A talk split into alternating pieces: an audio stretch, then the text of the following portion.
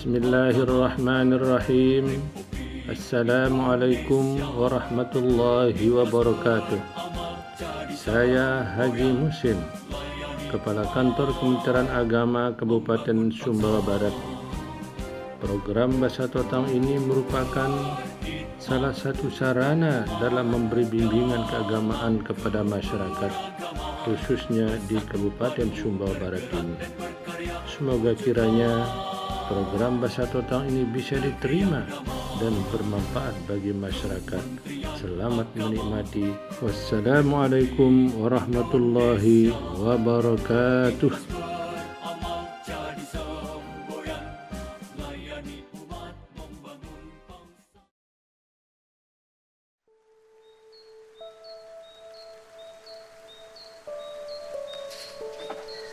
Bismillahirrahmanirrahim. السلام عليكم ورحمة الله وبركاته. الحمد لله الذي أنزل السكينة في قلوب المؤمنين ليزدادوا إيمانا مع إيمانهم ولله جنود السماوات والأرض وكان الله عليما حكيما.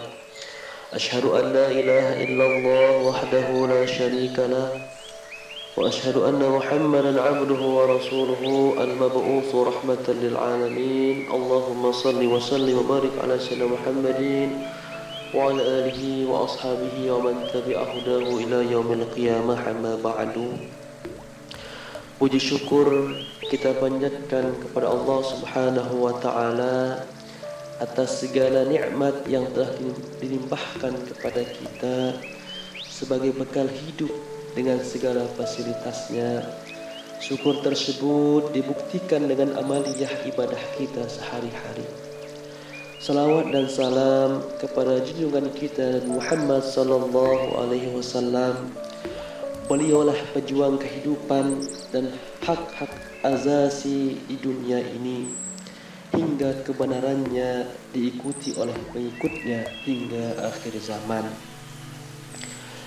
Saya Mas Hal penyuluh agama Islam non PNS Kabupaten Sumbawa Barat akan menyampaikan sebuah tausiah yang berjudul meneladani akhlak Rasulullah sallallahu alaihi wasallam.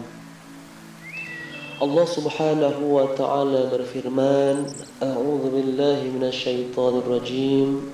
لقد كان لكم في رسول الله أسوة حسنة لمن كان يرجو الله واليوم الآخر وذكر الله كثيرا Sesungguhnya telah ada pada diri Rasulullah itu suri teladan yang baik bagi kalian yaitu bagi orang yang mengharap rahmat Allah dan kedatangan hari kiamat Dan dia banyak menyebut Allah Subhanahu wa taala. Surah Al-Ahzab ayat 21 ada beberapa akhlak Rasulullah yang patut kita ikuti sepanjang sejarah kehidupan beliau. Semua itu sebagai bekal hidup agar kehidupan kita terarah dan hanya mengacu kepada keteladanan beliau tidak layak kiranya kita menjadikan bintang film, pemain sepak bola, penyanyi sebagai teladan. Apalagi mereka tersebut tidak jelas arah kehidupannya. Inilah beberapa akhlak beliau yang kita kedepankan. Yang pertama, beliau hidup di dunia ini semata-mata hanya mencari ridho Allah. Tidak ada motivasi dunia berupa harta dan kedudukan serta status sosial. Walaupun semua itu dapat diperoleh inilah yang dipertanyakan oleh Abu Talib kepada beliau. Sehubungan dengan datangnya serombongan kafir Quraisy menawarkan sesuatu kepada beliau Rasulullah Sallallahu Alaihi Wasallam. Maka beliau menjawab, wahai paman, seandainya mereka meletakkan bulan di pundakku sebelah kiri dan matahari sebelah kananku agar aku meninggalkan dakwah ini sungguh tidak akan berhenti sehingga aku mendapatkan kejayaan Islam atau aku binasa karenanya. Yang kedua, beliau adalah seorang nabi.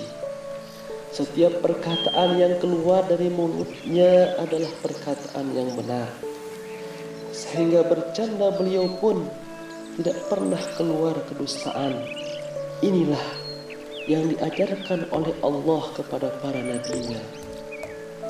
Dengan berkata benar dan jujur saja, firman Allah yang disampaikan oleh Rasulullah banyak ditentang oleh umatnya. Apalagi beliau berbohong. Siapa yang mau mengikuti risalah ini? Itulah peran beliau di masyarakat mendapat julukan Al-Amin artinya orang yang dapat dipercaya segala tindakan dan ucapannya. Yang ketiga, peran Nabi Muhammad sallallahu alaihi wasallam di dunia ini adalah menegakkan keadilan yaitu sikap dan sifat yang menempatkan sesuatu sesuai pada proporsinya. Selama ini kezaliman telah menyengsarakan manusia. Hukum hanya berpihak kepada penguasa sementara rakyat diabaikan. Inilah yang sangat dibenci oleh Rasulullah Sallallahu Alaihi Wasallam sehingga keluarlah ucapan beliau Seandainya anakku Fatimah mencuri, maka pasti aku potong tangannya. Allah berfirman dalam surah An-Nahl ayat 90.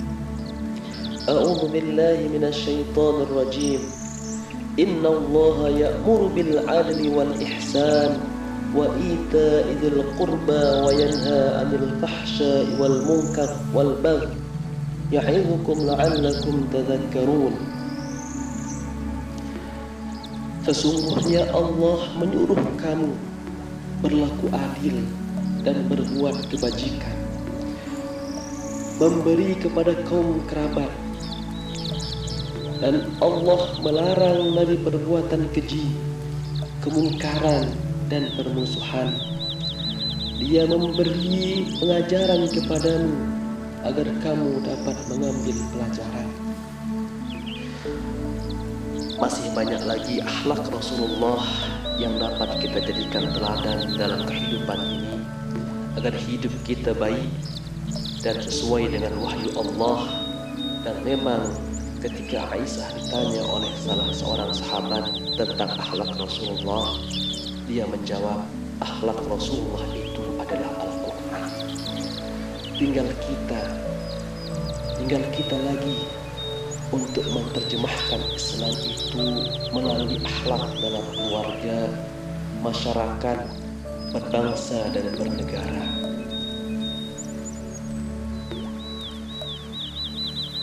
Demikianlah tausiah ini saya akhiri. Semoga ada manfaatnya bagi kita semua.